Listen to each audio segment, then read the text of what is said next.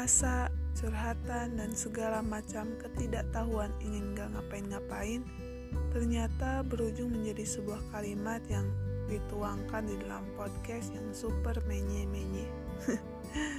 di sini, di podcast Langit Biru, mengajak kalian untuk bercerita bersama-sama apa yang ingin kalian ceritakan, mengajak kalian menjadi diri sendiri karena tidak semua hal butuh perhatian dan terima kasih sudah berkenan mendengarkan. Terima kasih telah membersamai.